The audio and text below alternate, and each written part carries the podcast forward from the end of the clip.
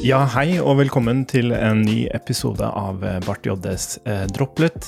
Vi sitter her rundt det digitale bålet, og jeg har hatt litt av en morgen um, som jeg gjerne vil snakke om i dag. Uh, for å introdusere temaet så kan jeg kjapt bare introdusere morgendagen min, og det går ut på at vi har en liten gutt på fire måneder, vi har ei datter på fire år, og vi prøver å få søvnbudsjettet i familien til å gå opp, prøver å få til jobb, prøver å få til ditt og få til datt. Eh, og det skaper noen ganger litt stress. Og på morgenen i dag forsov jeg meg. Eh, skulle her og spille inn podkast. Eh, eldste hissa seg ut på natta, opp på natta. Bare styr i barnehagen. Måtte ordne mat til han minste. Det var utsolgt, måtte til en annen butikk. Bare, bare styr. Eh, og det her kaller vi stress, da. Og det jeg lurte på, er hvordan dere håndterer stress privat i forhold til på jobb. For det jeg har reflektert rundt, er at på jobb så kan jeg Sånn som nå, så sitter jeg med fem parallelle prosjekter som skal liksom alignes mot en lanseringsvisjon eh, på slutten av året, og masse baller i lufta. Og jeg føler ikke at jeg stresser. Jeg føler jeg har kontroll på det, selv om det er veldig mye å gjøre. Men ref tilbake til morgendagen min, da. Det er liksom utsolgt i en butikk, og så bare får jeg totalt breakdown. Bokstavelig talt. Jeg skrev en melding på Slack til de andre gutta her. At vet du hva, jeg vet ikke om jeg får det til i dag, for nå bare føler jeg det blir for mye. Og det er liksom, det harmonerer ikke i det hele tatt. Har dere det sånn at dere håndterer stress mye bedre på jobben enn privat? Og hvordan håndterer dere stress på privaten?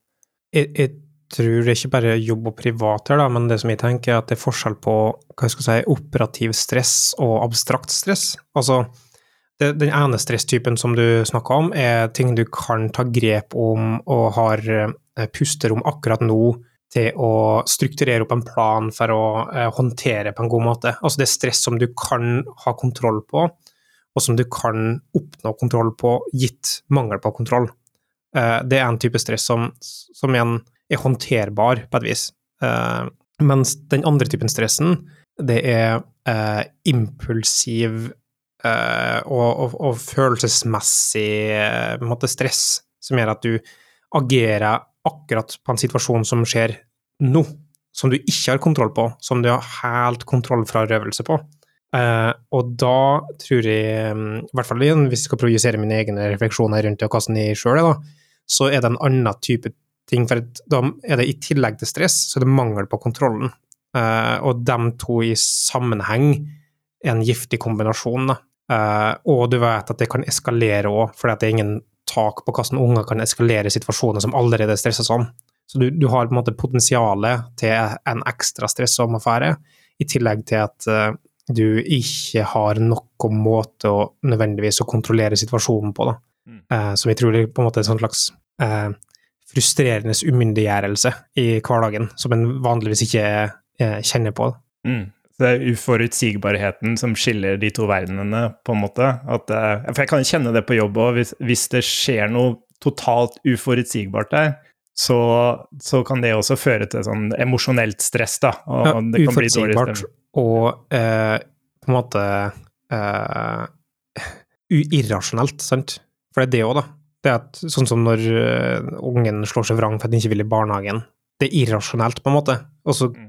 Prøver du å kompensere med rasjonalitet tilbake. Det er sånn, nei, men du er i barnehagen hver dag, uh, hvorfor skal i dag være et ekstra problem? Ja. Og så er det sånn Nei, fordi at en Stan sa at uh, i morgen så skulle et fly lande.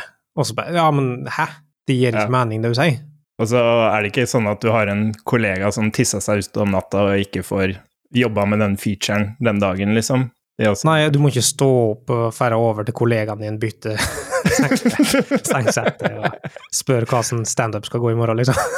Irrasjonell uforutsigbarhet. Jeg likte den oppsummeringa der. kan dere andre gutta relatere dere til jobbstress versus uh, hjemmestress? Jeg har satt og tenkt litt nå mens, har, mens dere har prata, egentlig, og jeg har egentlig konkludert med at jeg føler at jeg håndterer stress relativt greit når jeg står i det, men jeg er forferdelig dårlig på å takle det etterpå. Jeg tror jeg, jeg tror jeg, bare botla det opp, og så når den tingen er ferdig, eller jeg er på en måte gjort ferdig den tingen som skal gjøres, så krasjer jeg fullstendig, da.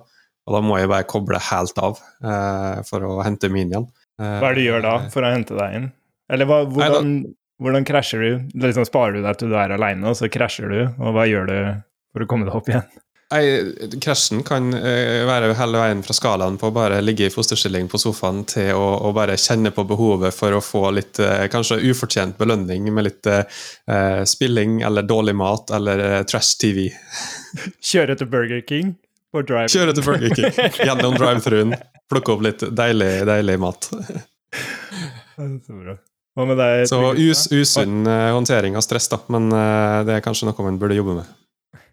Um, når det gjelder meg, så tror jeg jeg kjenner meg litt igjen i det Marius sier, at jeg kanskje um, har en uh, viss evne til å, å, håndtere stresset akkurat der og da. Så får man en liten sånn uh, ja, reaksjon etterpå, da. At man er litt utslitt og ja, sånt. Um, men jeg må også innrømme at jeg stresser ikke så veldig masse i hverdagen dagen nå, da. Det har jo litt med at Tar meg ikke som en stressende type. Nei, men altså, det, det er jo litt ekstra òg nå, da, gjennom at du er jo stort sett innendørs og skal ikke så masse ut i stressende situasjoner. Så jeg har ikke fått trent uh, jeg, jeg, har ikke fått trent min unge heller på stressende situasjoner. Han, er jo, han har jo knapt vært uh, utafor døra. Vi, ja, vi hadde han med på en matbutikk nå for første gang på sikkert et halvår. Så det, det sier jo litt om hvor, hvor, lite stress eh, han genererer i hverdagen min, da, på en måte. Ja, det er lurt. Um, men uh, sånn på jobb så har jeg jo kjent på det nå nylig, at vi, vi hadde en deadline uh, før påska. Og det, det var stress, altså. Da, da, satt de som egentlig eneste the main guy på fronten, egentlig den ene som kan fronten, og så begynte ting å hope seg opp. Altså oppgaver begynte å hope seg opp. Og eh, da, da merka jeg at produktiviteten min gikk litt ned. For det var så mange baller i lufta, og det var så mange løse tråder og sånt at du satt der egentlig bare og rista litt etter å prøve å få sjekka av noen bokser da, mm. for å bli ferdig med ting.